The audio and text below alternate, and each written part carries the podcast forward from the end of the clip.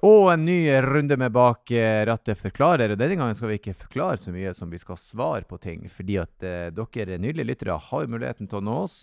Mange av dere har gjort det. Eh, og da har dere gjort det via e-posten bak rattet. bos.no, Og noen har eh, slida inn i DM-en på Insta hvis jeg Ja, det er sånn som gamlinger prater. Eh, der heter vi uansett Bak rattet. Hvis dere vil nå oss. Eh, og vi har fått spørsmål, Stein av forskjellig varierende eh, karakter og sånn. Og eh, ja, eh, jeg tenker vi bare begynner. Er du klar? Ja, ja, jeg er klar.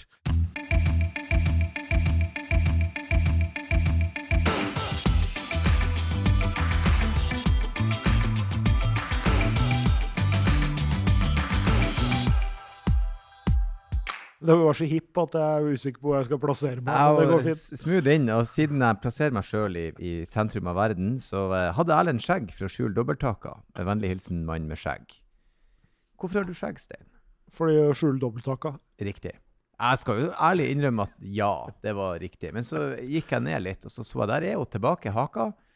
Nå kan vi ta bort skjegget. Du har en nydelig hake, Erlend. Hun er litt petit. Men du er, er litt lita. men, men du er lite grann rar uten skjegg fortsatt.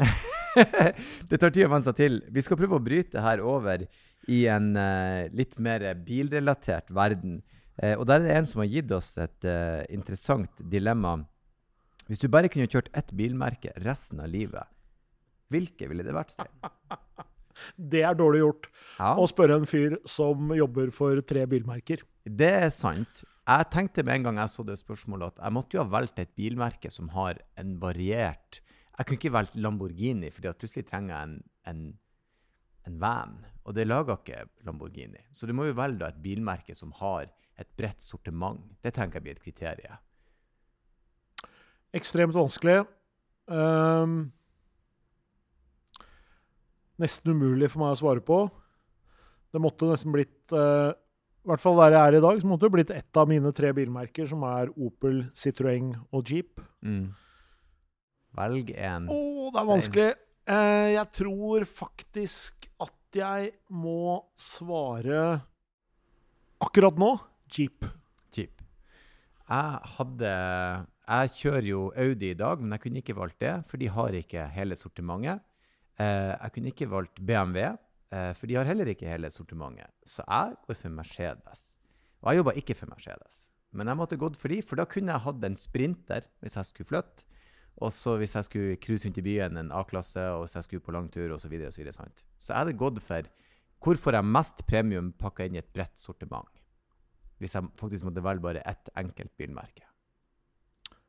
Jeg tror jeg har seks forskjellige bilmerker i dag, Mm. og jeg elsker Alle av de. alle. Ja. Ja ja, nei, jeg skal ikke, jeg skal ikke si noe på det. Eh, neste spørsmål. Er du klar? Ja. Eh, tips til en som har angst for å kjøre bil. Hvordan lik det igjen? Vi har jo hatt uh, Jannik, Jannike Widen her, Ja. som, Og eh, Guro Tveten. og Guro Tveten, Mm. som begge to har snakka om det. Så jeg ville kanskje hørt på de to episodene, hvis de Ja. ikke har gjort det, for å høre, få noen gode tips. Ja.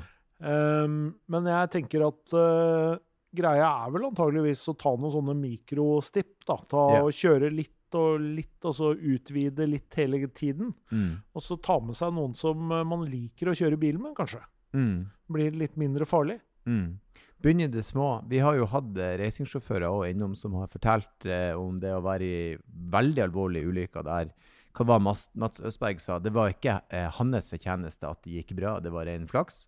Og eh, tipsene eh, fra racingsjåførene er at du må inn i bil igjen og kjøre, og så må man eh, gi det tid. Så det blir et sånt lite fjell å bestige, men ja, en god plass å begynne er Guro Tvetten-episoden og Jannicke Widen-episoden, vil jeg tro. Men du hadde noen spørsmål du òg, Stein? Du, jeg har et spørsmål fra Marius Røsholt. Eh, han har akkurat begynt å høre på podkasten. Han har hørt alle episodene nå Oi. før sommeren, så han har hørt seg opp. Eh, han eh, er veldig klar for Aksel Lund Svindal og Lotepus. Det vil si det er en det er bredde i ønskegjestene. Du, dette skal vi jo selvfølgelig spille videre til bookinga vår. Absolutt. Og så sier han at jeg er en typisk norsk stasjonsvognmann. Men nå ser vi etter en elektrisk stasjonsvogn. Kjører i dag V90 og en Volvo V70, og skjønner ikke helt hvor jeg skal gå videre. Så takker for en eh, spennende podkast, og håper at Erlend har et godt svar på hva han skal kjøpe nå. Vi har vel ikke et godt svar til han per nå, hvis det er den stasjonsvogna han ser etter. Det er vel eh, på en måte et segment som enda ikke er blitt elektrifisert. Jeg vet at Audi har lokka med en A6 helelektrisk. Den kommer ikke enda. Det kommer noen stasjonsvogner nå. Det kommer litt stasjonsvogner i forskjellige størrelser ja, også. komme. Peugeot kommer med en stasjonsvogn. Mm. Opel kommer med en elektrisk stasjonsvogn. Eh, Audi har vist det. Så det kommer nok litt. Men samtidig så er det nok litt sånn at selve stasjonsvognmarkedet som sådan, det har jo forsvunnet litt. Litt sånn som eh, flerbruksbilene også ble borte. Mm. Så har veldig mye av det blitt erstatta av ulike former for SUV-er og crossovere Ja. Ja. og Eh, og, og den type biler.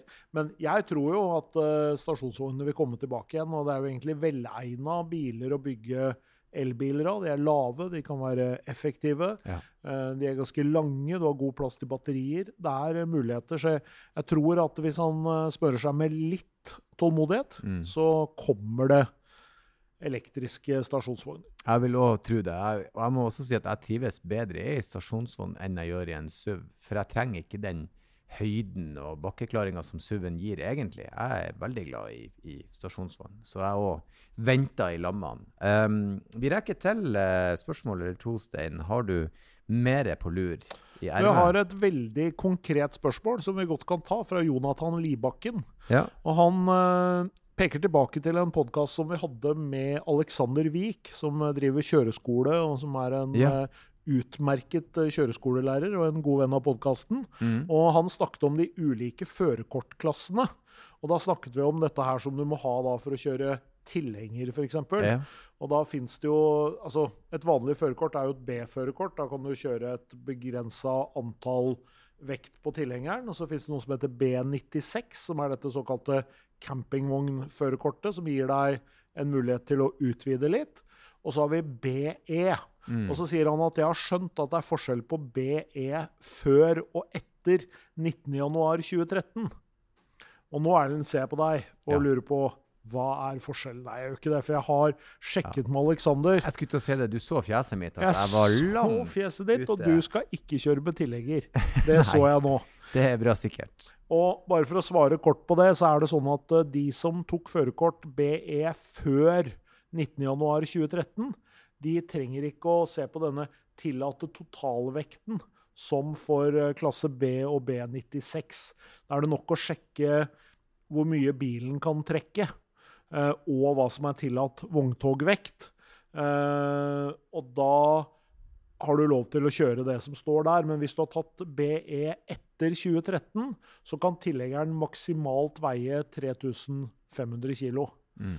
Men i praksis er det jo veldig få biler som trekker mer enn 3500 kilo, som du kan kjøre på B-førerkort. Så det er en liten praktisk eh, forskjell, egentlig. Mm. Eh, Vet vi hvor folk kan konkret finne dette skrevet ned?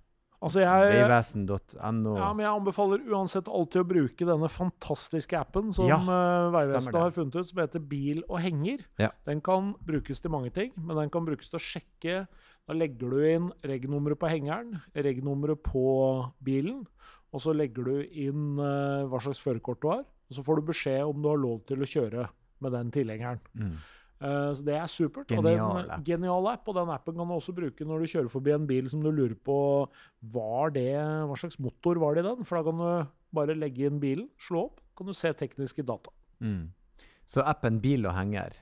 Bil og henger, fantastisk app. Solid tips fra oss her i Bak rattet. Vi rekker et lite spørsmål til før vi avrunder, men vi kommer til å gjøre flere av disse. Vi har fått eh, ganske bra med spørsmål, men vi tar en litt gøy på slutten her. Hva er deres beste roadtrip-låt? Altså, Musikk i bil for min del handler veldig mye om humør og hva jeg er, eh, hva jeg er ute etter, på en måte. Eh, sånn at eh, det kan være litt forskjellig, men jeg tenker at hvis jeg vil, liksom vil ha den der lille punchen jeg setter meg i bilen. Det hender veldig ofte. Fredag ettermiddag, ferdig med jobbuka, sitter i bilen, har stått i kø forbi Olavsgård, kommer forbi Sharif, det slipper opp. Da er det bare å gønne på. Jeg har svært uh, Alpine stereoanlegg i bilen. Mm. Og da dunker jeg på med The Boys Are Back in Town med Tin Ah, Lizzie. The boys are back in town. Litt sånn ja. boogie-woogie Ja. rock'n'roll som bare gjør at du dundrer av gårde over slettene. Ingen dårlig kandidat. Jeg har uh, Rascal Flats, 'Life Is A Highway'. Den eh, er jeg nødt å Den må jeg dra opp av hatten. Den har jeg alltid likt. Den, kom, den ble veldig forsterka i første Biler-filmen, som jeg og sønnen min så mye på.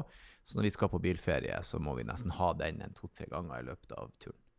Feel good, energi, ut og kjøre. Rascal Flats og uh, Thin Lizzie der også. Ok, folkens. Eh, tusen hjertelig takk for at dere sender inn spørsmål og lurer på ting. Kommer med tips og diverse. Det tar vi imot. Eh, skal gjenta det. Dere kan nå oss på Instagram på handlet bak rattet. Og så er det veldig enkelt å sende av gårde en e-post til bakrattet.bos.no. Så enkelt som det.